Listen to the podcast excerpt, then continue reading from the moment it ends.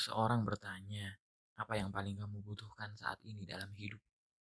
Ia menjawab dengan singkat, cukup. Kesadaran akan kecukupan yang Allah berikan memberinya sudut pandang yang berbeda dalam hidup. Kesehatan, beribadah, berbuat baik, dan masih banyak lagi. Ia tak ingin hidup dalam pencarian materi semata, karena yang ia butuhkan ada di dalam hatinya yang senantiasa merasakan syukur di setiap nafas dan denyut nadinya.